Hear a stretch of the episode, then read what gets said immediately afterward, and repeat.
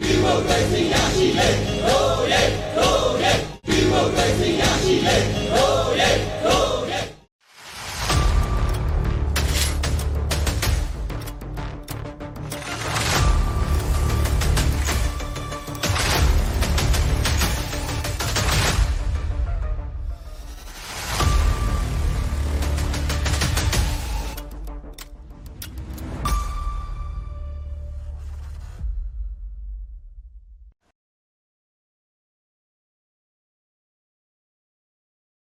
င်္ဂလာပါကျွန်တော်ဒေါက်တာတင်ထွန်းလတ်ပါ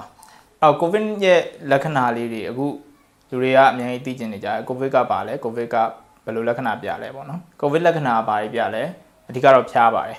အဲ့တော့ဖျားတယ်နှာစေးချောင်းဆိုးမယ်ခေါင်းတွေကိုက်လာမယ်ပြောရရင်တချို့တွေကအနှမ်းပြောက်သွားတယ်အဲ့တော့နောက်တစ်ချက်ရှိတာကကိုယ်ရည်လက်တွေကိုက်ခဲတာလည်းဖြစ်နိုင်တယ်ကိုဗစ်မှာဝမ်ပြက်ဝမ်လျှော့လည်းဖြစ်တတ်ပါတယ်အဲ့တော့ကိုဗစ်ရဲ့လက္ခဏာတွေကရိုးရိုးတုပ်ကွေးလက္ခဏာတွေနဲ့အတူတူပဲဖြစ်ပါတယ်ကိုဗစ် ကိုလက္ခဏာတစ်ခုတည်းကြည့်ပြီးငါကိုဗစ်ဖြစ်နေပြီဟုတ်တယ်မဟုတ်ဘူးဆိုတာပြောဖို့ခက်ပါတယ်ဒါပေမဲ့ဖျားနေပြီဆိုလို့ရှိရင်ကိုကိုကိုဗစ်ဖြစ်နိုင်တယ်လို့တန်တရားထားလိုက်ပါ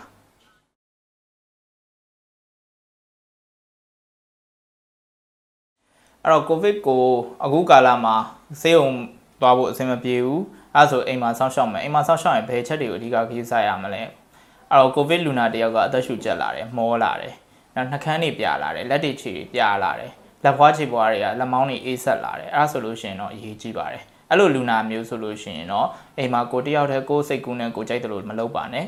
သက်ဆိုင်ရာကျွမ်းကျင်တဲ့တမားတော်တွေစီကိုဆက်သွယ်ဆောင်စမ်းပြီးတော့ဘယ်လိုဆက်ပြီးတော့ကုသမှုပေးရမလဲဆိုတာကိုမေးမြန်းပါအရေးကြီးပါတယ်နှာခမ်းတွေပြလာပြီးလက်တွေပြလာပြီးဆိုတာကအောက်ဆီဂျင်နည်းနေပြီလူနာသည်အောက်ဆီဂျင်ပြတ်လတ်သွားပြီလို့ပြောတဲ့လက္ခဏာပါတော်တော်ကြီးကိုအရေးကြီးတဲ့အတွက်ကြောင့်မလို့အဲ့ဒီအချက်တွေရှိမရှိကိုစောင့်ကြည့်ပါရှိတာနဲ့ချက်ချင်း သက်ဆိုင်ရာဆရာဝန်တွေထူးကူတွေစီကိုဆက်သွယ်ပြီးတော့မေးမြန်းပါနောက်တစ်ချက်ကကြတော့အသက်ရှူကျက်တာမောတာအဲ့နှစ်ခုကိုတေချာကြီးစိုက်ကြည့်ပေးပါ